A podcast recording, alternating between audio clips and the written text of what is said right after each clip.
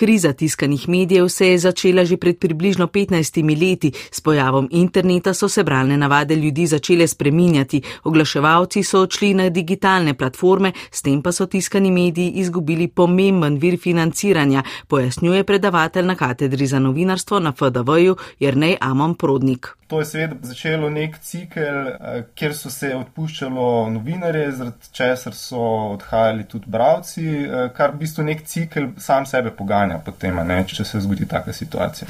Z energetsko krizo in draginjo pa so se težave tiskanih medijev še poglobile. Nekaj, kar je bilo že prej izjemno globoka težava, se je zdaj začelo še dodatno nalagati z cenami papirja, ki so šle enormno gor in seveda s tiskom in uh, potem z distribucijo časopisov, pač to so stvari, ki, ki potem še dodatno pritiskajo na časopise.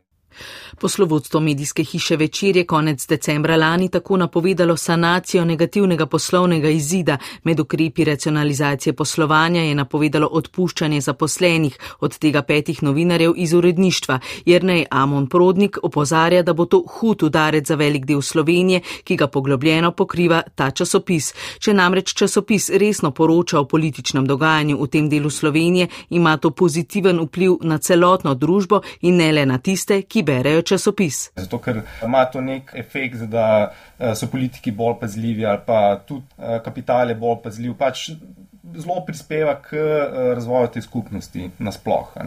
In to je ključna težava, ne? da če tak časopis umre, v tistem delu Slovenije, naprimer Koroška, Maribor, tudi, tudi tam potem nimaš več kvalitetnega novinarstva. Skratka, ti si izgubil, potem imaš novi, novičarsko puščavo resnega novinarstva za en celoten del Slovenije. Kar je težava. Ne. Verodostojne vsebine in kakovostna lokalna informacija so bili za časnik večer vsele ključnega pomena, povdarja tudi novinarka večera in predsednica Društva novinarjev Slovenije Petra Lesjak Tušek. Stavimo na vsebinski del, ker je ta po našem tudi konec koncev eh, edino jamstvo za to, da dolgoročno obstanemo.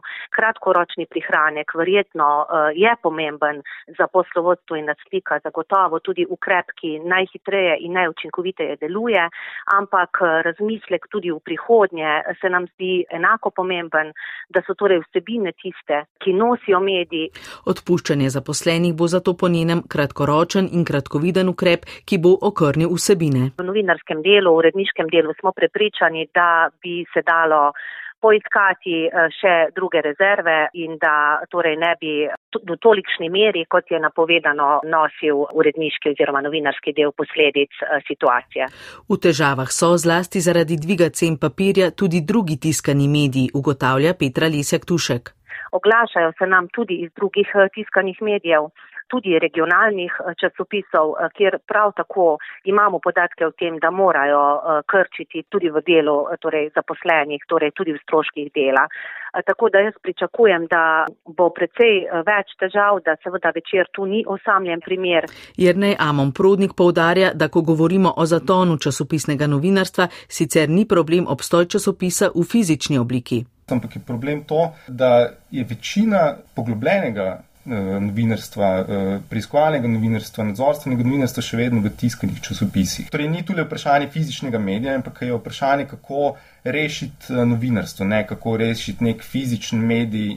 Tiskani mediji so še vedno dobro brani, saj imajo na spletu velik doseg. Petra Lesek Tušek je zato prepričana, da bi država morala razmišljati o strategiji, kako rešiti tiskane medije, saj le ti generirajo pomembne in za demokracijo relevantne vsebine. Eden od možnih ukrepov, s katerim so po COVID-ni krizi časopisom pomagale številne evropske države, je po njenih besedah subvencioniranje distribucije tiska. To se nam zdi kar precej učinkovit ukrep, eh, ki v bistvu bi lahko bil relativno hitro delujoč, še zlasti, če vemo, da je eh, pošta ne nazadnje tudi državno podjetje. To bi recimo lahko bil eden od ukrepov.